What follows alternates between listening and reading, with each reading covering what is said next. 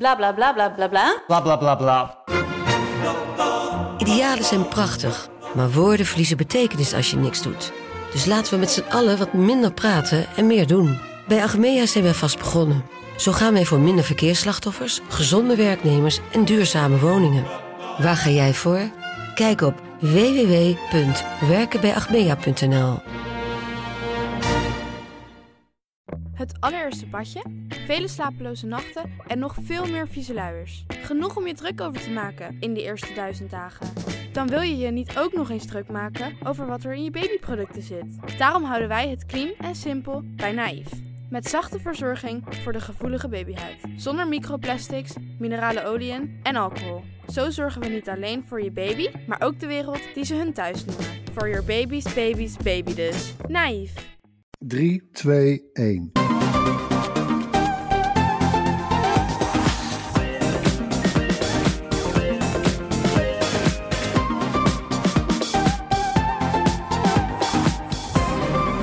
Welkom bij de Bright Podcast van donderdag 23 april. Tof dat je weer luistert. En ja, zoals elke week praten we je bij over de trending topics in tech. Ik ben Harm en ingeprikt op hun thuiswerkplek zijn Erwin. Yo! En natuurlijk ook Tony. Hey. Ja, YouTube is vandaag jarig. Precies 15 jaar geleden. Ja, ja daar mag je best even voor juichen. Het is eh, namelijk precies 15 jaar geleden dat de eerste video verscheen.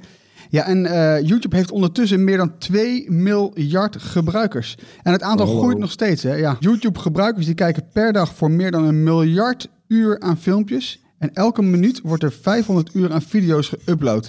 In Nederland hebben we 9 miljoen gebruikers, waarvan er eh 2,8 miljoen elke dag op YouTube kijken. Ja, dat zijn aantallen, hè? Maar ehm, waar begon dat mee? Ja, die, die allereerste. Ja, er is natuurlijk één filmpje, is het eerste geweest. En dat was een heel kort filmpje trouwens van eh, een van de oprichters, eh Jawed Karim. Eh, en eh, met hemzelf in de hoofdrol, want hij staat dan in een dierentuin in San Diego. Ja, het ziet er eigenlijk allemaal niet uit. Eh, maar goed, dat was misschien ook een beetje een voorbode. Althans voor de eerste jaren van YouTube. Het was bijna een soort vlog. Eh, inmiddels ruim eh, 90 miljoen keer bekeken, eh, mind you. En eh, 320 bij 240 pixels, ja ja. Dat was de resolutie toen. Jemig. Hey, eh, maar ehm, Dat is nog steeds een optie trouwens, toch? Hè? Dat is de laagste. Of nee, de laagste is 480. Nu. ja, kun je nagaan. de resolutie. Ja. Hey, maar als we, dit is dan de eerste video ehm, van eh Jawed Karim. Maar hoe is YouTube eigenlijk ontstaan? Ja, dat is op zich ook nog wel een heel grappig verhaal. Want diezelfde Karim, eh, die eh, was gewoon op zoek naar een video die toen op tv was heel vaak. De, de nippelslip van Janet Jackson tijdens een, eh, een optreden tijdens de Super Bowl. Ja, dat is zo'n groot mediamoment wat je wil terugkijken. Nou, het ging hem allemaal niet makkelijk genoeg. In datzelfde jaar, 2014, ook een hele hoop amateurvideo's van tsunamis in Azië ook met telefoons gemaakt. Dus die telefoons die kregen toen eigenlijk voor het eerst relatief aardige kwaliteit video die je daarmee kon schieten. Je had alleen geen, geen echt goede websites om die naartoe te uploaden. Je had wel de fotosite Flickr bijvoorbeeld voor foto's, maar voor video's, nou, was eigenlijk nog niet zo goed geregeld. Ehm, dus ontstond het idee om een platform te starten waar iedereen zijn video kon uploaden. Eh, dat deed Karim niet alleen, dat deed hij samen met eh, de medeoprichters Chad Hurley en Steve Chen. En die twee waren eigenlijk de grote boegbeelden. Dus al vrij snel kwamen zij in de media grote interviews, verhalen over YouTube. Het waren altijd die twee. Een half jaar later bleek er ook een derde oprichter te zijn, de man van de eerste video. En dat was, eh dat was Jawed Karim. Dat is echt wel een grappig eh, verhaal, omdat het zo'n ontzettend schuchter, bescheiden nerd is eigenlijk, die Karim dat hij gewoon helemaal niet claimde dat hij een van de drie was. En ook heeft een heel klein aandeel in het bedrijf gekregen, terwijl hij heel veel werk heeft gedaan. En heeft het idee verzonnen. Altijd hetzelfde, hè? Altijd Dus dat hetzelfde. was wel apart. Ja, en wat ook vaak ziet bij succesvolle start-ups, de eerste ideeën floppen. Dat hadden deze drie jongens eigenlijk ook. Want ze startten in eerste instantie een videodating website genaamd TuneIn Hookup. Nou, klinkt in deze coronatijden als een prima idee, maar in, ja, in, in 2014 was die videodating site echt een totale flop. Nou, toen zijn ze omgeswitcht naar, ja, iedereen kan uploaden en dan kijken wat er gebeurt. Ja, en, en de rest is, eh, zoals ze dan zeggen, geschiedenis. Maar wat, wat maakt dan, want dat vind ik wel interessant om te weten, wat maakt nou dat YouTube dan wel aansloeg? Ja, ik denk, Erwin kan het zich ook nog wel herinneren. Het afspelen van video's, dat was echt een crime destijds, man. Daar, daar werd je echt niet blij van.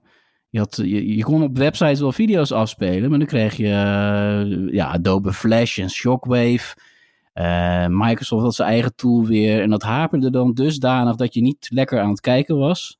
Of je had altijd de kans dat je hele browser crashte. Ik kan me nog vaak herinneren dat ik een filmpje aan het kijken was, alles kwijt. Nou, in mijn geval is dat, ja, ben ik heel veel tabbladen dan ook meteen kwijt. Dus het, En Tony heeft er ik ben veel een hoor. verzamelaar van tabbladen in de webbrowser. Zo. Maar ja, dat was destijds, was de videoervaring was, was echt, echt niet best. Eh, dus dat was wel iets waardoor, waar YouTube eh, eigenlijk op inspeelt. Om dat gebruiksvriendelijk en makkelijk aan te bieden.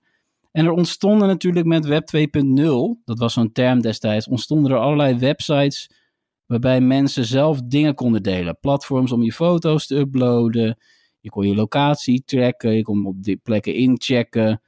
Je kon tekstberichtjes schrijven een profiel aanmaken. Dat kwam allemaal toen net pas op. En voor video was het gewoon de grote vraag van welk platform wordt de grootste.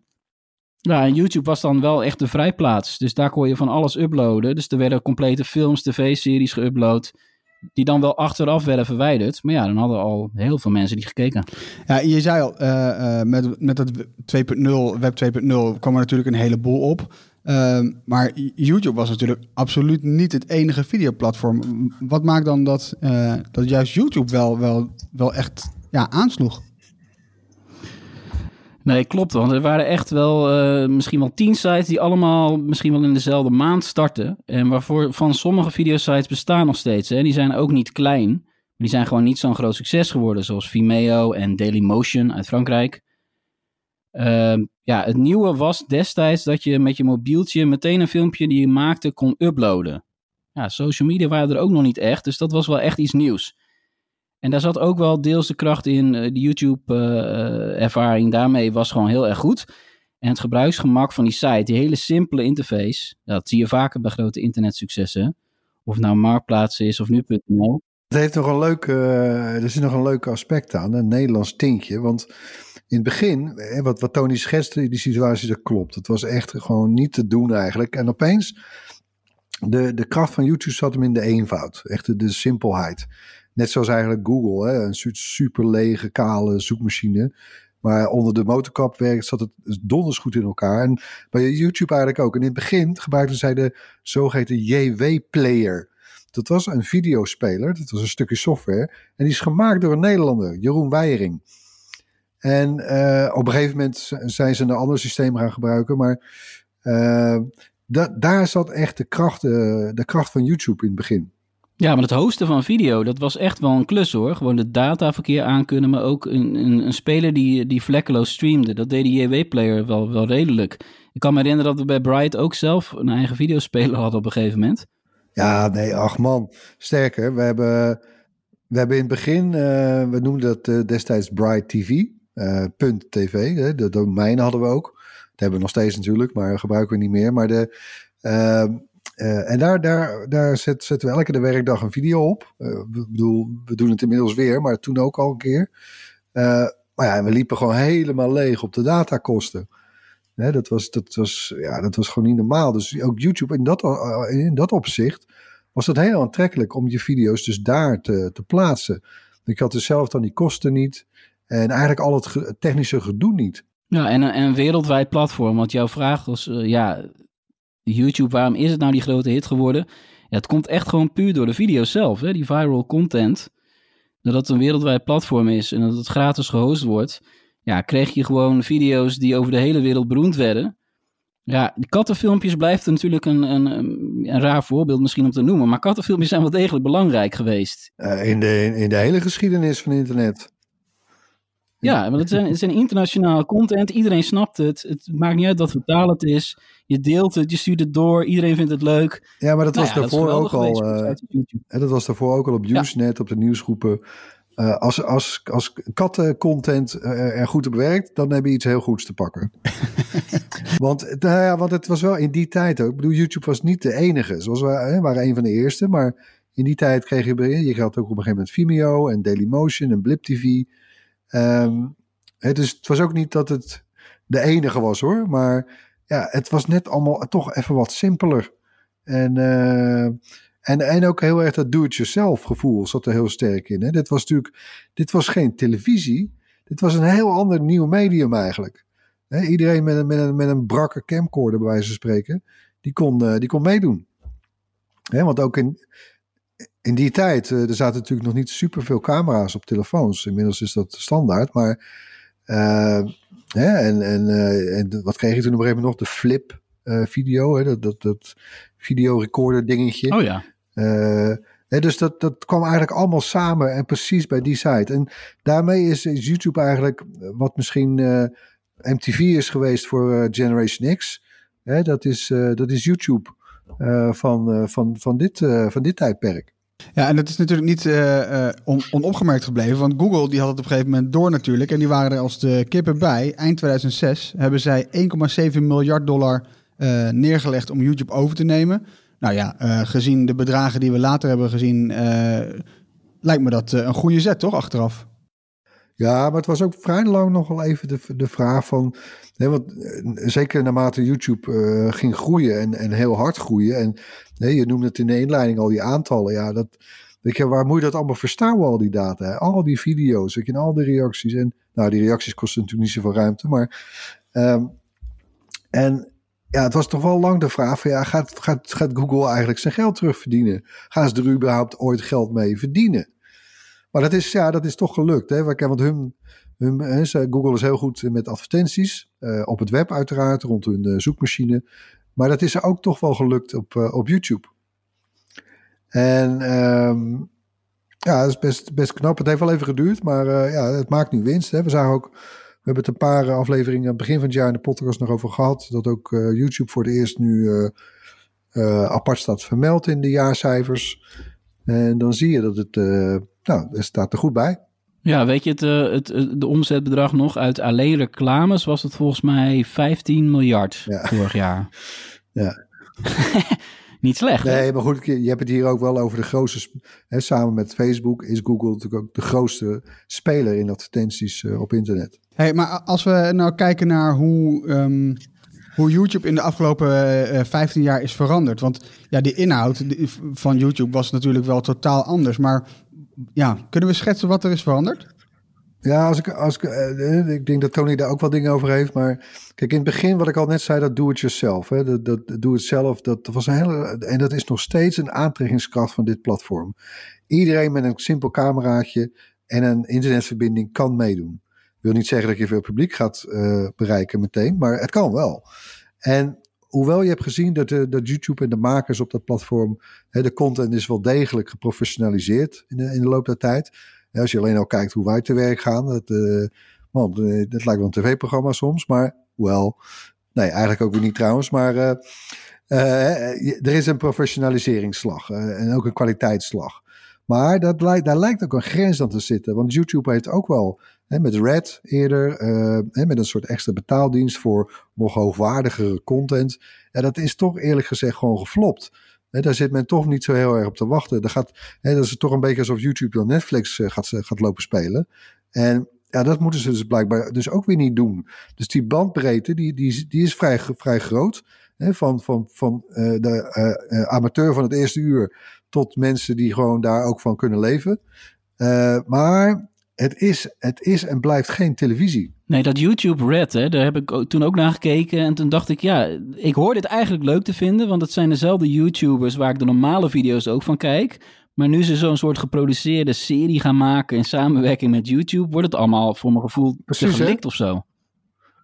Ja, ik heb het ook. Het zit, het, zit, zit heel gevoelsmatig. Je wil, en dat hebben wij uh, met, met Bright, we zijn ook al uh, vrij, vrij uh, vroeg ook begonnen op dit platform. Maar we hebben er altijd proberen op te letten dat, dat alles wat wij, wat wij maakten, dat het publiek moet toch ergens het gevoel hebben van ja, ik zou dit ook kunnen doen. Ja. Als ik de tijd maak en dan de, wat zij doen, kan, ik kan het ook. Ja, ik doe het niet, maar ik kan wel. Dat is vaak een illusie hoor, want we hebben natuurlijk wel eens met echte grote YouTubers gesproken, ook omdat ze te gast waren tijdens Ontext Festival uh, Bright Day. Ja. Nou, daar hebben we echt wel een paar van de meest uh, beroemde YouTubers ter wereld te gast gehad. Nou, sommigen hadden gewoon een, een bedrijf met tien medewerkers in dienst.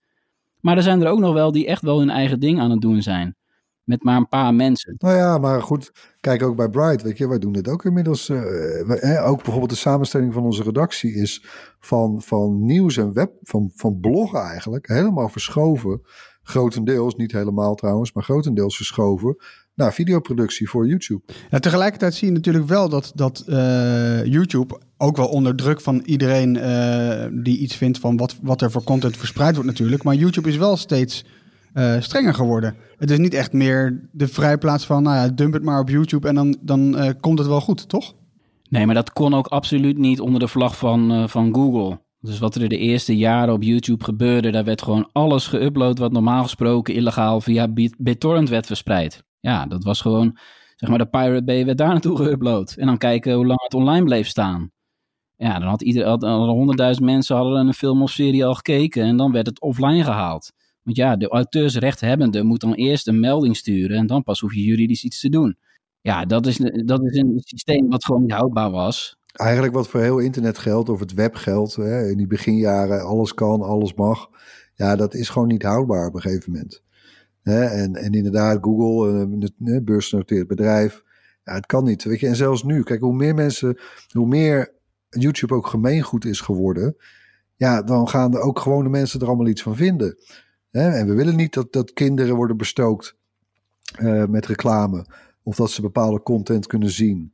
En, en, dus het wordt, ja, de, de, gewoon de normale eh, normen en waarden worden er eigenlijk aan opgelegd. Ja, en specifiek kinderen is natuurlijk een, eh, een, een ding wat zeker het laatste jaar ontzettend in het nieuws is geweest. Hè? Ja, dat, uh, dat, daar heeft YouTube echt wel problemen mee gehad. Want kijk, de kern van de inkomsten, dat zijn die adverteerders. Nou ja, als die adverteerders gaan dreigen met boycotts, en dat is echt wel een paar keer gebeurd de afgelopen jaren, en vaak ging het over dingen ja, die met kinderen te maken hadden. Uh, bijvoorbeeld de kwestie dat YouTube een eigen kinderapp heeft, YouTube Kids. Nou, daar stonden hele vrolijke video's in met dan halverwege allerlei slechte, verschrikkelijke dingen eigenlijk erin gestopt.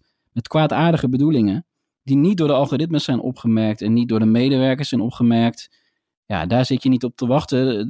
Je hebt ook de kwestie gehad dat uh, pedofielen in de comments van filmpjes aan het communiceren waren. Ook echt, echt verschrikkelijk. Nou, daar heeft YouTube wel echt uh, hard moeten ingrijpen. De wet in Amerika is ook uh, sindsdien aangepast. En flink strenger geworden, dus ze moeten wel. Ja, nu is dat misschien zelfs wel doorgeslagen. als er ook maar, maar een klein stukje een kind in beeld komt, dan heb je kans dat je geen advertenties erbij krijgt te zien. Dus heb je als maker geen inkomsten. Maar het kan ook voorkomen dat je automatisch helemaal geen uh, reacties meer op je video uh, krijgt. Dus dan is er niet eens een reactiepaneel, omdat er kinderen in beeld uh, staan. Dus je moet nu bij elke keer als je uploadt, moet je, moet je juridisch verklaren: nee, dit is niet gericht op kinderen. Ja, dat lijkt me een hele gezonde ontwikkeling, dat, het, dat, dat je dat in ieder geval zoveel mogelijk scheidt. Ook al heeft dat dan het gevolg dat je daar minder geld kunt verdienen met je video's, toch? Nou ja, maar kijk, het speelt natuurlijk ook in, het, in op het feit dat uh, dit platform is uh, super populair bij, bij kinderen en bij tieners. Uh, we zien dat ook bij, bij ons eigen publiek op YouTube. Hè, waar we, ja, niet, niet verrassend misschien, maar waar we met ons tv-programma.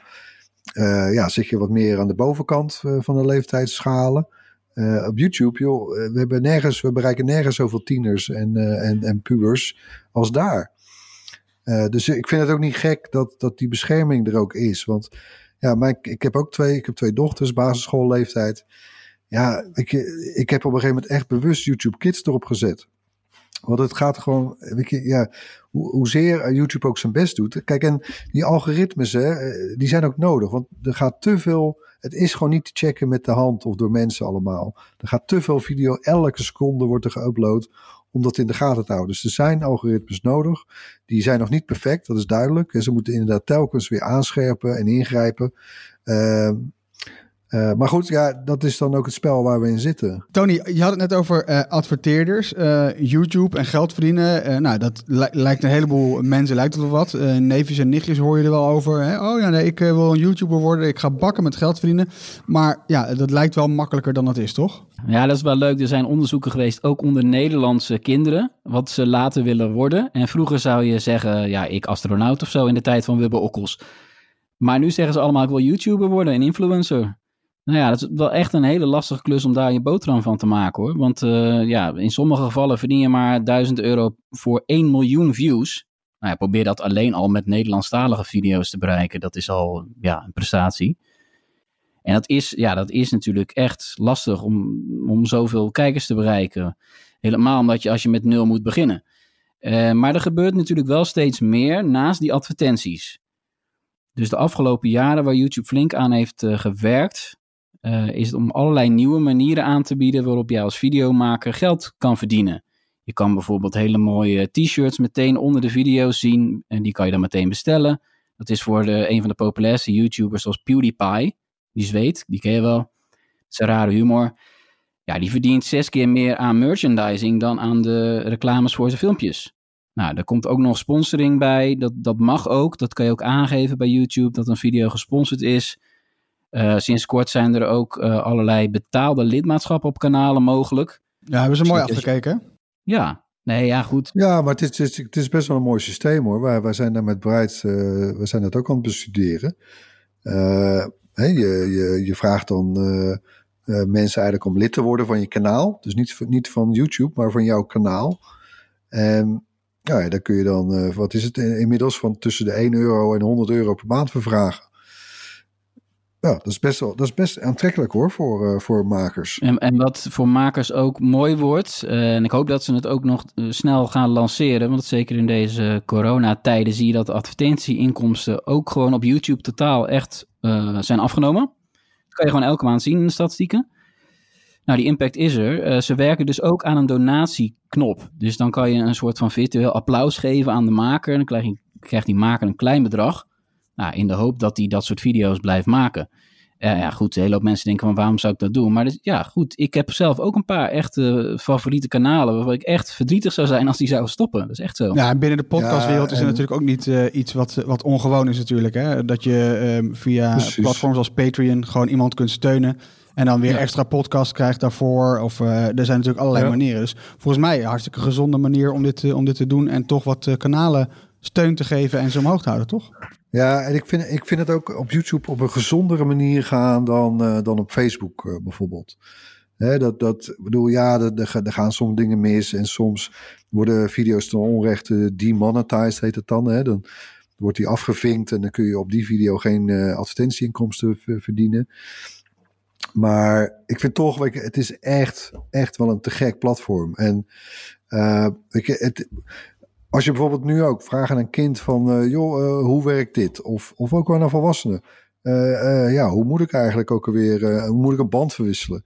Je, het is gewoon de default go-to site, voor, ook voor zelfhulp. En het is gewoon niet normaal. Het is, het, is, het, is, het is groter dan een fenomeen eigenlijk. Het is echt knap. Ja, ik zou me eigenlijk geen wereld zonder kunnen voorstellen. Ik bedoel, Wikipedia, Google en YouTube. Ja, dat zijn toch ja. de dingen, daar kan je gewoon niet zonder. Erwin, heb jij wel eens iets gemaakt wat je niet had kunnen maken zonder YouTube, als doe het zelf of zo? Nou ja, maar ja, nou, ik bedoel, uh, ja, niet alleen letterlijk dingen maken, maar ook dat je gewoon iets wil uitzoeken. Als ik bijvoorbeeld tegen, tegen iets aanloop met een of andere app of een programma of whatever, of, of hoe werkt die ene functie ook alweer in Photoshop, ik noem maar wat. Ja, de, je gaat, ik bedoel, en ik ga dan zelfs inmiddels eerder naar YouTube dan naar Google. Tony, wat is het mafste wat jij hebt gemaakt dankzij YouTube?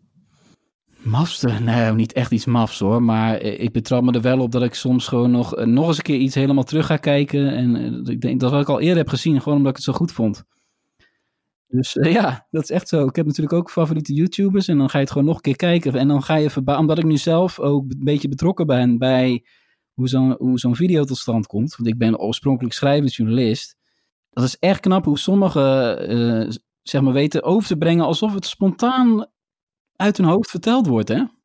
Ik ben daar, dat, dat vind ik, ben ik ook door geïnspireerd. Van hoe breng je een verhaal over in, in video en beeld ondersteunt wat ze vertellen. Echt mooi. Ja, en het is, ik vind het ook, ook bijzonder eigenlijk dat, dat eh, het een platform is eigenlijk zowel voor auteurs of makers, hè, zoals het populair heet nu, eh, als voor een soort, ja, bijna een soort universele vraagbaak, waarbij de afzender eigenlijk nauwelijks de zaken doet, als hij maar eh, Nederlands of Engels praat, denk ik.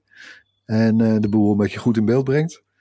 Hè, dus dat, dat, dat dat ook samen is, dat is ja, echt ongelooflijk. Hey, maar YouTube heeft natuurlijk eh, wel de nodige concurrentie, direct en indirect. Maar je kunt natuurlijk je tijd maar één keer echt ja, besteden. Want de minuten die wij nu besteden met het maken van een podcast, hadden we ook YouTube kunnen kijken, maar dat hebben we niet gedaan. Dank luisteraar dat je naar deze podcast luistert en niet naar een YouTube-video zit te kijken.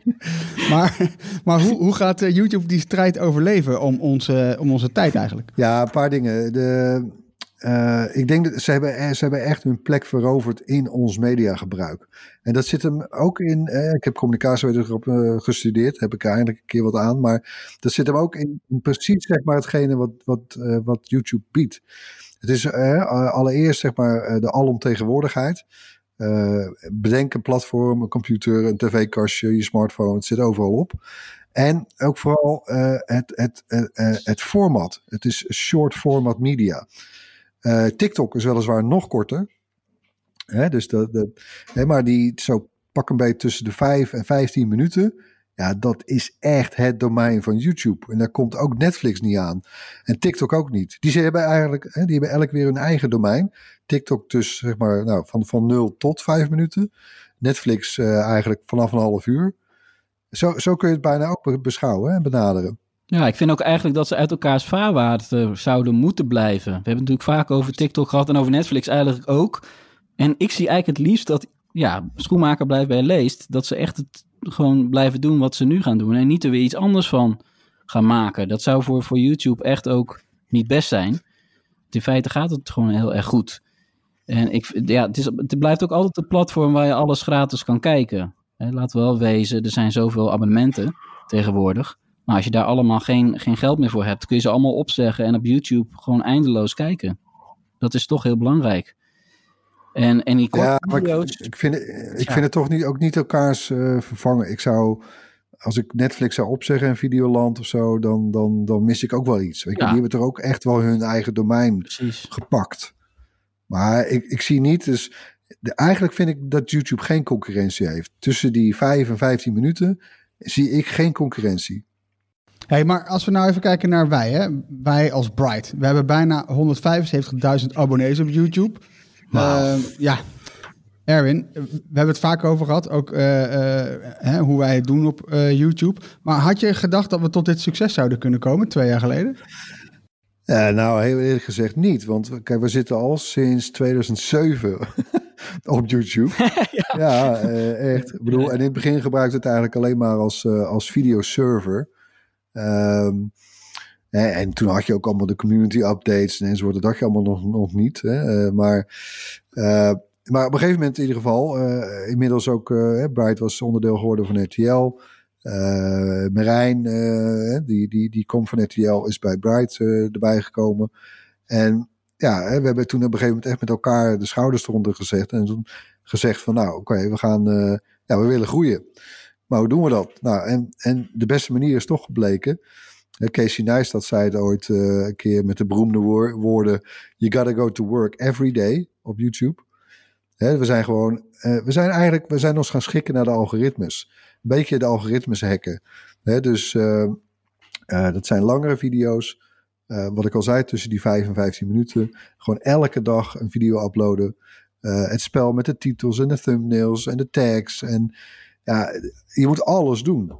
En hè, dat kost veel tijd en energie, maar dat, ja, dan levert het ook echt wel wat op. Hè. Wij zijn echt in, we zijn krankzinnig gegroeid. Ik heb het even uit mijn hoofd. eh, ik heb het laatst allemaal opgeschreven. Ik heb het niet uit mijn hoofd, maar hè, we, zijn, we zijn geloof ik begin 2018 hadden we nog 12.000 abonnees. En eh, eind in, eh, wat was het, oktober vorig jaar eh, gingen we over de 100.000 heen. En eh, nou ja, de groei lijkt ook niet, eh, die lijkt eerder toe te nemen dan af te remmen. Uh, en dat, ja, dat is natuurlijk ook geweldig hè? en heel bevredigend. Ik bedoel, we stoppen er uh, ook steeds meer tijd in, maar dat krijg je er dus ook uit. En dat is echt te gek, weet je. En we hebben er een nieuw publiek mee aangeboord. Uh, alle, alle, alle het contact met het publiek. vind, vind ik echt leuk, want ik kan me ook herinneren bijvoorbeeld nog reacties, even over reacties hè, in de tijd van de weblogs. Dat was natuurlijk ook een van de belangrijke aspecten van een weblog, dat mensen konden reageren. Maar dat is eigenlijk op een gegeven moment, ja, dat, dat is een soort vervuild geraakt. Het is eigenlijk helemaal eh, vastgelopen. En op YouTube, misschien gaat het ook gebeuren, maar.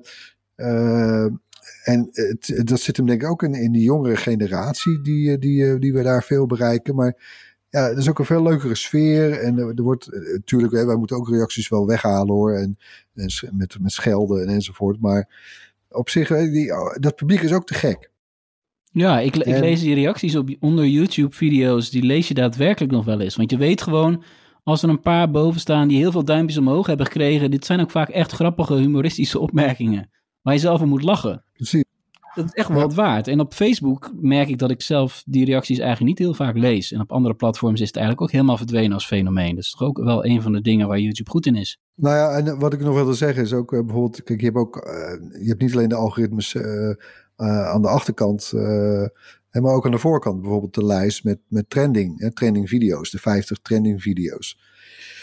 En daar staan we dus nu ook af en toe in. Weet je, en dat is echt, echt super tof. Ja, ik vind het mooi als dat gebeurt, dan Tony die, die, die raast als een soort van uh, Tasmanian Devil voor de redactie. Als we daartussen staan. Ja, is ook gewoon als we in training staan hoor.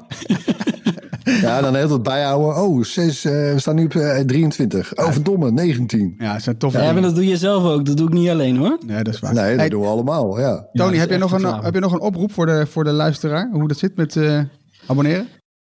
Nou, als je nog niet uh, bent geabonneerd, dat moet je dan natuurlijk sowieso doen. Maar nadat je dat hebt gedaan, moet je op dat belletje klikken in de YouTube-app.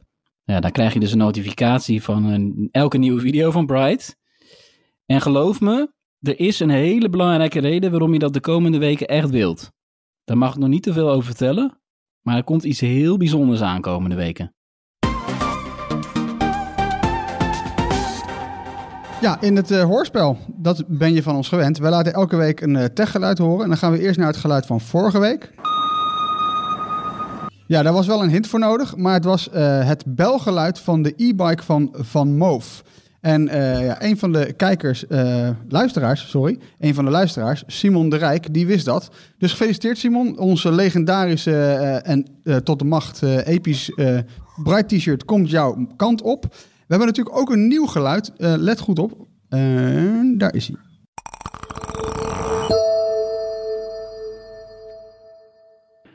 Wauw.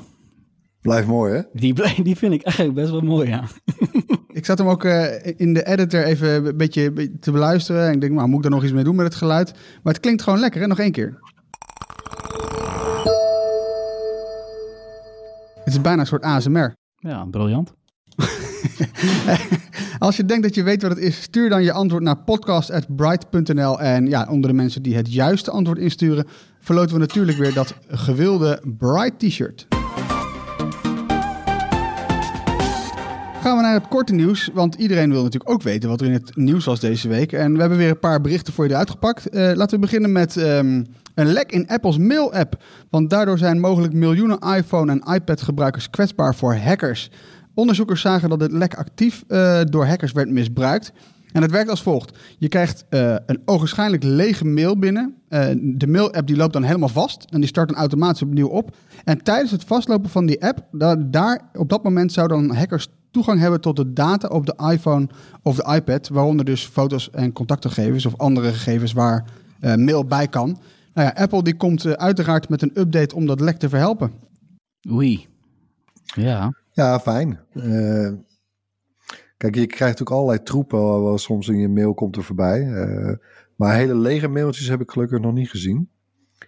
Um, dus uh, nou, kom maar door met die update. Ja, zero en zero day lag. Ja, die moeten ze snel gaan fixen. Dat klinkt niet best. Ook als je ziet dat het misbruikt wordt. Ik moest wel even grinnen hoor, toen ik las van... je merkt het misschien als je getroffen bent als de mail-app wat trager is... nou ja, die is bij Apple sowieso niet al te rap, toch? Mag ik dat zeggen, Erwin? Nou, dat mag ik zeggen. Even al hoor.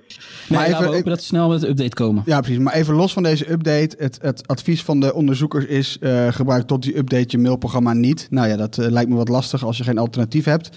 Eh, maar dat is in ieder geval het advies van, van de cyberonderzoekers die dit ontdekt hebben. Ja, nog meer beveiligingsnieuws. Want videobel-app Zoom die rolt een grote update uit... die meerdere problemen rond de beveiliging en privacy oplost. Zoom kreeg hiervoor afgelopen week een storm van kritiek te verduren. Ook eh, wij hebben het er natuurlijk over gehad. En deze update die verbetert onder andere de versleuteling in de app. Eh, daardoor is het lastiger om beveiligde videogesprekken af te luisteren. Ja, die sterkere versleuteling die wordt pas geactiveerd als alle de- deelnemers aan een videogesprek de laatste update hebben geïnstalleerd. Dus daar ben je dan wel afhankelijk van. Ja, en ook het beheren van gesprekken op Zoom is verbeterd. ehm, want Zoom eh, ja, die heeft dat dus ook aangepast. En ondanks al deze kritiek die de afgelopen weken over de heen is gestort, eh, groeien zij gewoon door. En ze hebben nu hon- eh, sorry, 300 miljoen dagelijkse gebruikers. Wauw, wat een aantal. Ja, het is populair. Het klinkt wel goed, deze update. Zien, eerst zien en geloven bij, deze, bij dit bedrijf, hè? Maar ja, dat is toch best snel. Zelfs hadden gezegd van, we, we gaan de komende maanden ons volledig op beveiliging storten. Nou ja, die belofte maken ze voorlopig eh, waar. Laten we nu hopen dat ze, dat ze ook dan eh, het goed laten testen door externe eh, hackers en experts. Dat hebben ze beloofd. En dat er dan een transparantierapport komt. Zodat we het ook echt kunnen checken. Maar de eerste stap is dan wel gezet. Maar die, die, al die mensen eh, en, en instanties eh, en scholen ook in Nederland die zeggen van joh, eh, Zoom wordt, wordt verboden, wij gaan het niet meer gebruiken. Die zijn ze natuurlijk gewoon kwijt. Die krijgen ze nooit meer terug, toch? Ja, maar kijk, dat is de vraag, weet je. Als, als, als één dienst en app zo gigantisch populair wordt... ja, je kan wel Gmail gaan verbieden als bedrijf... maar ze gaan het toch gebruiken. Denk je niet? Ja, als dat zo'n status krijgt... voorlopig komen ze nog mee weg om zoiets te verbieden. Dat snap ik ook wel. Ja, hetzelfde zag je bij, eh, bij WhatsApp, toch? Ja, is ook Ja, zo. dat was ook heel lang, eh altijd geen encryptie en alles. En ja, het is, het is nog steeds een lelijke app, vind ik. Eh, maar ja, iedereen gebruikt het. In Amerika hebben ze zelfs rechtszittingen in de, rechtbank... hebben ze via Zoom uitgezonden, ja. Het, het wordt wel alom gebruikt overal. Ja, de afgelopen week was er ook heel veel te doen over de corona-app die de overheid het liefst zou willen lanceren. Die app die moet jou bijvoorbeeld waarschuwen als je in de buurt bent geweest van iemand die eh, later corona bleek te hebben. Maar eh, ja, daar kwam een, eh, een appathon en een hoorzitting met experts in de Tweede Kamer aan te pas. En nu is dus eigenlijk duidelijk dat het gewoon langer gaat duren. De zeven corona-apps die werden gese- geselecteerd, die zijn eigenlijk allemaal afgeschoten door experts. Ehm, en minister Hugo de Jonge van eh, VWS heeft daarom een opdracht gegeven tot, tot het ontwikkelen van een nieuwe app. Die moet wel veilig zijn en de privacy niet schaden. Ja, en de komende vier weken wordt er aan die app gewerkt. Nou ja, eh, en dan pas eh, gaat minister de Jonge besluiten of en hoe die app er dan komt. Nou ja, en dan is eigenlijk mijn vraag: was deze appathon daarmee een grote flop? Ja, eerlijk gezegd wel natuurlijk. Kijk, je voelde, iedereen voelde al zijn water dat het een haasklus was. Eh, en toen eh, de eerste contouren zichtbaar eh, werden, hebben diverse experts daar naar kunnen kijken. Ja, bleef er ook gewoon heel weinig van heel. Ehm, eh, tijdens, tijdens die appathon was, bleek al dat een van die zeven apps zo lek was als een mandje. Dus dit lijkt me even, laten we even een nieuwe poging wagen. Ja. Snap eigenlijk niet waarom ze zo gehaast te werk gingen. Want ik had eh, bijvoorbeeld toevallig eh, was ik Facebook vrienden met een paar van die experts. En die liep ook helemaal los het hele weekend o- op Facebook in berichten over wat er allemaal aan de hand was daar bij die appathon. Wat er allemaal niet goed eh, ging met die, met die zeven apps. Het is een beetje een rare, een beetje een rare toestand. Hij beweert zelf dat het allemaal heel leerzaam was. De minister dan, hè, die zegt van nee, dit heeft wel wat opgeleverd, toch? Hè, want we weten nu aan welke randvoorwaarden zo'n app moet voldoen. Maar ja, dat had je vooraf toch ook wel eh, beter kunnen uitzoeken. Laat ik, eh, laat ik zeggen, ik hoop dat het, eh, de ontwikkeling van het vaccin eh, wat professioneler verloopt. Ja, ter afsluiting hebben we natuurlijk tips, eh, maar we doen het dit keer iets anders, want we hebben het natuurlijk over YouTube en eh, daarom zijn onze tips eh, hebben allemaal te maken met een YouTube-kanaal. Erwin, eh, heb jij zin om af te trappen? Ja, ja, ik heb inmiddels eh, behoorlijk wat abonnementen. Eh, ik, eh, ik beheer die ook trouwens best wel, dus ik probeer het ook een beetje binnen de perken te houden. Maar Uh, eentje die er eigenlijk al heel, heel lang in staat, dat is Nerdwriter. Nerdschrijver. maar dan in het Engels één woord, Nerdwriter. dat zijn allemaal videocolumns. Um, en ja, die, ze gaan eigenlijk over van alles. van, van een goede film, of een boek, of een kunstwerk. Of, en het is, ja, het, is, ik, het voelt voor mij altijd een beetje als een warm bad. Ik vind de onderwerpen die worden aangesneden vaak uh, gaaf. Die spreken mij aan. Je, je, leert er ook wat van. Ik vind de edits zijn gewoon prima. en deze man die heeft echt een van de fijnste voice-over stemmen op YouTube. vind ik. Nou, top. Nerdwriter dus. Nerdwriter. Mijn tip, zal ik daar... ja, Tony, jij mag als laatste vandaag. mijn tip is de Wood Fired Oven Chef. Um, ja, dat is eigenlijk een kanaal die helemaal gaat over hoe je de lekkerste gerechten kunt maken in een houtgestookte oven. Nou, heeft natuurlijk niet iedereen een houtgestookte oven. Ik heb er toevallig wel een in de tuin. En daarom sluit deze perfect aan bij wat ik tof vind. Uh, maar ja, deze video's zijn echt heel tof. Uh, deze man, Clive, vertelt alles over wat je nodig hebt om goed te kunnen bakken in zijn houtoven. Wat voor soorten hout, welke gerechten kun je maken, hoe moet je alles voorbereiden. En, en, hij gaat best wel ver hoor. Want bijvoorbeeld ook, hij heeft over pizza's bakken. Dat vind ik ook ontzettend vet om te doen in die, in die houtoven. Maar hij legt dan ook heel helder uit uh, ja, wat voor soorten gist je bijvoorbeeld nodig hebt. En dan denk je, ja, gist, hoezo is dat zo belangrijk? Ja, best belangrijk.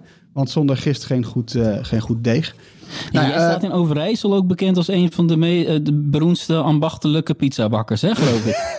Nee, nee, nee, dat ga ik echt nooit claimen. nee, ik vind het vooral heel erg leuk om te doen. Maar daarom, daarom ja, oké. nou, dus de volgende Bright uh, borrel of iets dergelijks, als het weer mag, dan is dat bij mij in mijn achtertuin. Dan gaan we hier wat pizza's bakken. Uh, en dan gaan we gewoon alle tips die deze Clive, uh, de Wood Fired Oven Chef, heeft, gaan we dan even in de praktijk brengen. Maar wat dus tof is, is dat het ook, de beelden zijn echt super vet. muziek eronder klopt gewoon. Je wordt er helemaal relaxed van. En je hebt ontzettend veel zin om gewoon die houtoven aan te rammen. En ja, houtovens die zijn ook gewoon uh, goedkoper te koop dan, uh, dan echt zo'n uh, groot ding van steen en zo. Um, ja, ik heb hem ook naar jou gestuurd, Tony. Heb je, heb je al gekeken? Nee, ik heb nog niet gekeken. Ik was, was wel te druk met, met de eindredactie van dingen. Maar ik dacht wel, dit is weer zo'n mooie video waar ik wel naar zou kunnen kijken, inderdaad, om een beetje tot rust te komen. En ik weet dat Erwin ook van dat soort video's houdt, van die slow video's kan van alles zijn als er geklust wordt of getuineerd of waar je gewoon lekker naar kan kijken. Heel laag tempo. Ja, de Wood Fired Oven Chef. Tony, nou mag jij. Ja, mijn uh, favoriet op YouTube is uh, Tom Scott. Het is echt een super sympathieke Brit. Die maakt geweldige uitlegvideo's over wetenschap en technologie. Ja, die man die is echt dol op feiten. Volgens mij is het echt een wandelende encyclopedie. Want heel knap aan zijn video's is dat hij een hele hoop dingen gewoon uit zijn hoofd presenteert. En soms doet hij totale ingewikkelde berekeningen, gewoon pats uit zijn hoofd. En eh, dat zijn soms zelfs one-takers. Dus dan zit je gewoon zes minuten te kijken en heeft het allemaal in één take opgenomen. De camera rolt en het doet allemaal bam in één keer. Weet je zeker? Ja, dat weet ik zeker. Dan moet je voor de grap maar eens kijken naar zijn... Uh, hij heeft bijvoorbeeld drie jaar geleden geloof ik een video gemaakt over... Uh, heeft YouTube ooit een, een gebrek aan het aantal nummertjes dat ze in de URL van elke video kunnen zetten. Daar staat een soort code. Elke video heeft zijn eigen webadres. Nou ja, dat heeft hij helemaal uitgerekend hoeveel verschillende... Dat doet hij allemaal in one tape, lopend door het park, vijf minuten lang. Hij, aan het eind staat hij ook te juichen dat het gelukt is. Maar ik, ik, daar heb ik echt respect voor. Voor mensen die dit zo uit hun hoofd doen. Dat is echt bizar. En wat ook leuk is aan Tom Scott is dat hij nu, uh, nu die relatief uh, succesvol is op YouTube. Hij zal er niet heel veel geld mee verdienen. Maar hij heeft wel genoeg geld om ook overal naartoe te reizen. Dus hij heeft een serie genaamd uh, Amazing Places. Daar reist hij de hele wereld over, gekke plekken. Dat is echt fantastisch. Hij was zelfs bij het WK tegen de wind in fietsen in Nederland. Vorig jaar. Ja, ik vind hem, ja precies. Ik vind hem echt een beetje een soort uh, de Discovery Channel uh, op YouTube. Bijna. Nou, top. Uh, al deze tips kun je natuurlijk terugvinden in het artikel. Uh, dat is weer de aflevering van deze week. Uh, en ik blijf het bijzonder vinden dat we allemaal op totaal andere plekken in Nederland zitten. En dat het toch weer gelukt is. jullie bedankt voor het luisteren. Laat gerust iets van je horen. mail ons naar podcast.bright.nl. Zoek ons op Twitter, Facebook of Instagram. Download onze app. Maar ik ben ook wel benieuwd, als jullie nou toffe tips hebben van kanalen die wij moeten volgen, laat het dan ook eventjes weten. Dus ja, Twitter, Facebook, Instagram of podcast.bright.nl. Tot volgende week. Bye.